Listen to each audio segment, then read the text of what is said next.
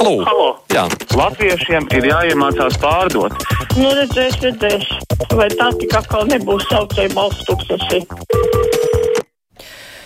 Sākam brīvo mikrofonu tālruņa numuru mūsu studijā ir 6722, 888, 672, 559, varat mums rakstīt uz adresi kruspunktēt Latvijas radio.lv. Varat sūtīt ziņu no mūsu mājaslapas, bet mūsu klausītāji jau ir sazvanījuši. Halā! Halā! Labdien, Labdien!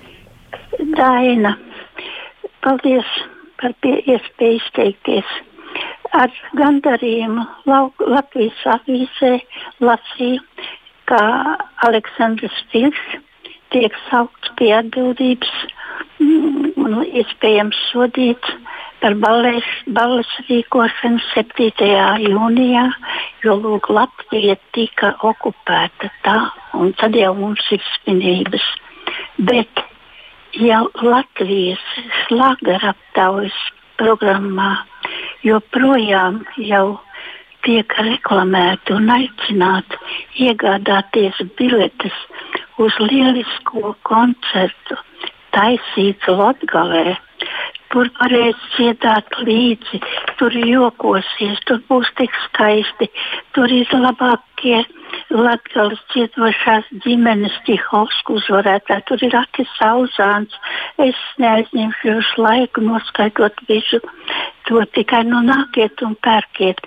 Nu, tagad man ir jābūt pateicīgai vīrusam, kas atnāca ar karantīnu, ka nepieļaus šo lustēšanos dienā ar pirms 80 gadiem.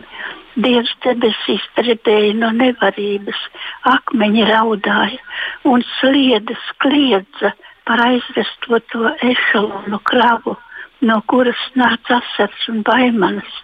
Vai tiešām mums nav ne mazākās apziņas arī tiem taisīts latgalē autoriem izvēlēties 14. jūniju, pirms vēl vīruss atnāca.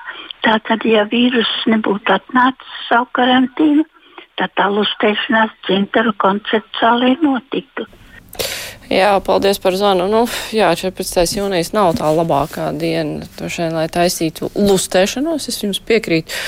Vien, ka par uh, pirmo ballīti bija domāts 17. nevis 7. jūnijas. Bet, nu, jā. Klausītājs zvana. Halo! Labdien! Labdien! Sākšu ar veselības novēlējumu visiem, kas, kam tas varētu draudēt. Man tagad ir tādas divējādas jūtas, gan priecīgas, gan bēdīgas. Priecājos par tiem cilvēkiem, kas ir saslimuši viegli un varbūt būs neuzņēmīgi pret šo slimību. Un bēdājos par pārgudrajiem līdztautiešiem, kas kam ir jāsēž uh, vai nu karantīnā, vai nu pašizolācijā, bet viņi vazājas apkārt. Paldies par uzmanību! Paldies par zvanu. Toms raksta apnicis klausīties, ka vīruss izplatās. Vīruss neizplatās, to izplatām mēs. Savukārt Kārli ir sajūsminājis teksts pa telefonu, netraucē, es apgūstu dabas zinības trešajā klasē. Man ir jau 40, bet ar savu augstskolas izglītību uzzinu tik daudz jauna. Nu, atkal internets pārtrūka, būs jāvelk ārā vecmāmiņas enciklopēdija, ļaudis lasiet grāmatas. Cerams, ka vecmāmiņas enciklopēdija nav tā padomju enciklopēdija, kas ir kādreiz bija daudzos grāmatu plauktos. Diezgan briesmīgi patiesībā, lai gan es arī skolā kaut kādus referātus no tās rakstīju. Briesmīgus referātus, bet tā mācīšanās, jā, ir tāda interesanta lieta. Man ar mājmācība notiek katru darba dienu. Klausītājs zvana, halā! Labdien! Nu, es domāju, tev tieši mīļie, nekritīsim panikā. Mums ir ā, kaut kur ap 200 slimnieku, no kuriem, ja ticēt, neviens nav hospitalizēts. Visi slimo ļoti viegli tātad. Bet kas bija pirms simts gadiem, atcerēsimies, te vienai kundzei pirmai zvanītāji patika atgādināt, es arī atgādināšu spāņu gripa, kas plosījās arī visā pasaulē, bet ar daudz briesmīgākām sekām. Tur saslima desmitiem miljonu un mira miljoni. Un, kā apgalvo vēsturnieki, tāpat vairāk cilvēku aizgāja bojā nekā Pirmā pasaules kara frontēs. Lūk, tas tiešām bija šausmīgi. Nu, protams, toreiz medicīna bija uz zemāka līmeņa, bet tik un tā, bet kas ir cits galvenais, ka mēs tajā laikā varējām ne tikai strādāt, mācīties, bet arī karot. Mēs par spīti Spāņu gripai izcīnījām savu Latvijas valsti. Un tagad jau saka, ka mums vispār no mājas nav jāiet ārā un nekas nav jādara. Es ļoti baidos, ka lūk, šīs epidēmijas fonā Mm -hmm. Nu, vienmēr sakot, jā, tāpēc jau notiek šie drošības pasākumi, lai nebūtu spāņu gripa numur divi. Klausītājs Vana Halā. Labdien! Labdien! Vai drīkst runāt, jā? Jā, nu, lūdzu. jā, paldies, ka visi rūpējas par mūsu veselību. Bet ir jau arī um, problēmas ar zālēm. Mums, diemžēl, tā koknesē notiek, ka nevar aiziet nopirkt uh, zāles. Tās tur ir rindas, tad uh, aptiekā uh, viņa aiziet kaut kur uh, pastaigāt, un acīm redzot, jāiziet cilvēkam ar. Pēc tam es aizēju sestdien, pārējās zāles es dabūnu, konkursu nevaru dabūt. Jānāk man ir atkal otrdiena. Un tā es staigāju tagad iešu pēc zālēm, un tā jau būs ceturtā diena, kamēr es dabūnu zāles. Vai tas ir normāli, lai cilvēks, vecs cilvēks dabūtu zāles? Nē, tas nav. Tas nav normāli. Nu, vienīgais var ieteikt, varbūt pirms doties uz to aptieku, piezvanīt uz turienu un paprasīt, vai viņiem konkrētās zāles ir vai nav. Parasti jau aptiekā vajadzētu būt telefonam. Arī tā ir kaut kāda mazas apdzīvotas vietas aptiek, nu, kā tai aptiekniecei uz mobīlo piezvanīt, ja ir tāda iespēja. Klausītājs Vana, halā! Jā, viņiem tagad tāda mazliet absurda situācija iznāk. Nu, par dīkstāvi, nu, piemēram, turismas, tur restorāni saņems 700 eiro mēnesī, bet Maksims pārdevējs par strādāšanu saņem 400. Nu, Tas jau ir eh, tas uh, līdz 700 eiro. Tur pirmkārt, nu, šeit, kas skatīsies arī, kādi ienākumi ir zaudēti. Un, nu, jā, ja pirms tam ir ienākumi bijuši lielāki, ja cilvēks ir bijis vai specializētāks vai pieprasītāks vai, nu, nezinu, dažādi iemesli, kāpēc algas ir lielākas, nu, tad tas jau ir līdz tiem 700 eiro. Jevgeņija raksta, labdien, aizrāvāmies ar to šausmīgo vīrusu, bet aizmirsām, ka vistiņas vēl ar vienu tupu kūtī un nav nekas zināms, kad varēs laist ārā. Hmm, tiešām, o, oh, oh. Savukārt Gatis raksta, labdien, visjums jauku dienu, visu šo nedēļu, kā arī, arī dzen labu veselību. Aizvakar skatoties raidījumu nekā personīgi, viens zinātnieks teica, ka no šie vīrusi, kas tagad visā pasaulē plosās, Latvijā nomiršo 20 tūkstoši cilvēku. Tad rodas jautājums, kā viņš to, vai viņš to kafijas biezumos izzīlē vai nosapņoja. Negribas kaut kā ticēt šādām muļķībām. Mm, man kolēģi, kas arī skatījās šo raidījumu, saka, nē, tā viņš neteica. Jā, ka tas ir izrauts no konteksta. Klausītājs mums zvana. Halo! Uh, labdien! Labdien! Man ieteikums. Ja rīcībā nav citu dezinfekcijas līdzekļu, nesājiet līdzi pudelīti ar 3%. Nestiprāk, protams, ūdeņā peroksīdu, ja pārskābi. Pārskābi ne tikai nogalina visus vīrusus un baktērijas, bet padara tos par nebijušiem. Un vēl, valsts slēdz cietu robežas, un tas ir lieki, jo turisms sevi apstājies un droši vien pusotru gadu neatjaunosies, ja vien nebūs vakcīnas.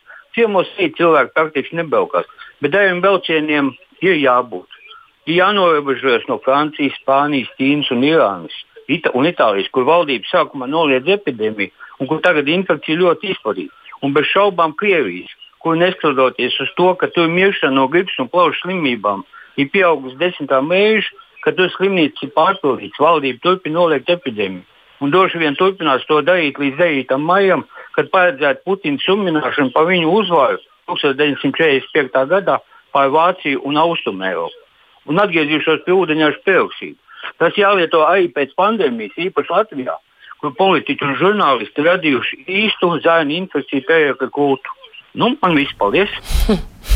Tas noslēgums, protams, bija vismīlīgākais. Kristiāna skolotāja raksta prieks, ka šī situācija valstī liek bērniem mācīties patstāvību un laika plānošanu. Vecāki varēs beidzot iejusties skolotāja lomā un kritiski paraudzīties uz savu skolēnu no malas. Iespējams, nākotnē neskries pie skolotāja sūdzēties par katru nieku un izteikt pretenzijas par pedagoga darbu. Es piekrītu, ka daudz ko jaunu vecāki arī par savu bērnu var uzzināt, lai gan kas darbojās ar bērnu, un jau daudz maz pazīst, bet nu, vecākiem tas arī pārbaudījums, protams, jo jāstrādā savs darbs, attālināti, plus vēl jāpilda skolotāja pienākumi. Tas nav vienkārši.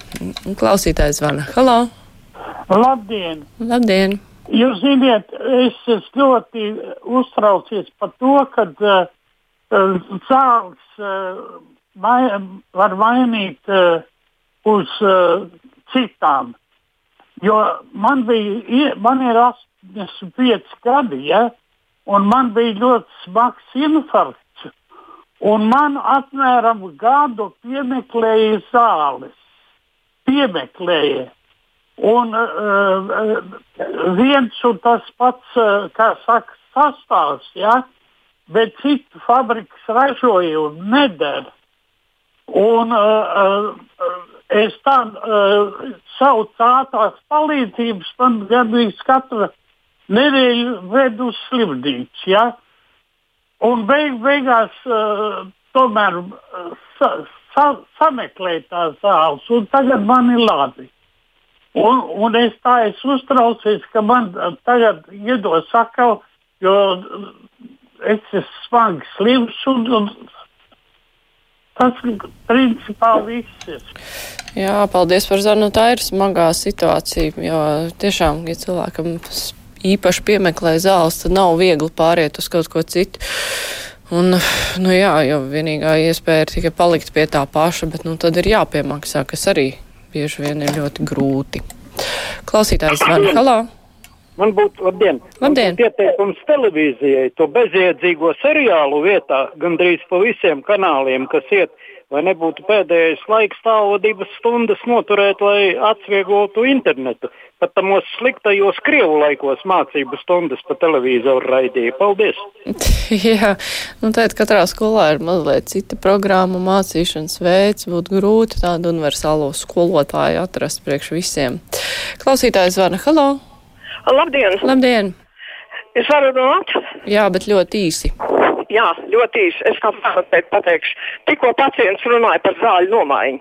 Tas ir kaut kas neizprotams, kā ministra Viņķele vēl atļauj šo 1. aprīļa, kā saka, neadekvāto rīkojumu. Mainīt zāles un, un, un neatļaut un rakstīt visu, tas ir apgrūtinājums gan farmaceitiem, gan mediķiem. Gan Jā, nu man diemžēl jāpārtrauc, bet nu jā, situācija ir traka. Labi, tagad ziņas.